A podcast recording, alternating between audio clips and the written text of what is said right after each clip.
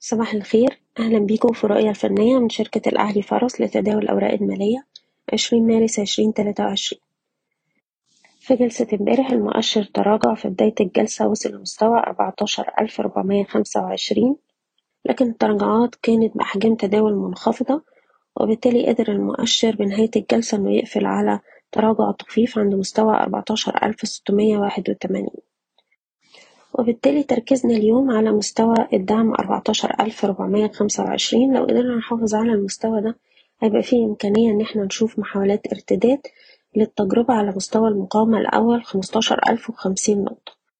والمستوى ده هيكون اختبار مهم لقوى الشراء لو قدرنا نتجاوز المستوى ده يبقى في الحالة دي هنشوف محاولات ارتداد هتمتد معانا لمستويات الخمستاشر ألف وسبعمية نقطة.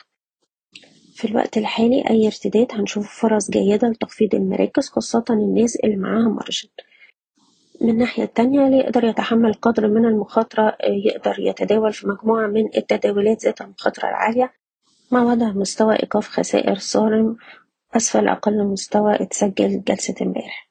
بشكركم بتمنى لكم التوفيق. إيضاح الشركة المسؤولة عن أي قرارات استثمارية يتم اتخاذها بناء على هذا التسجيل.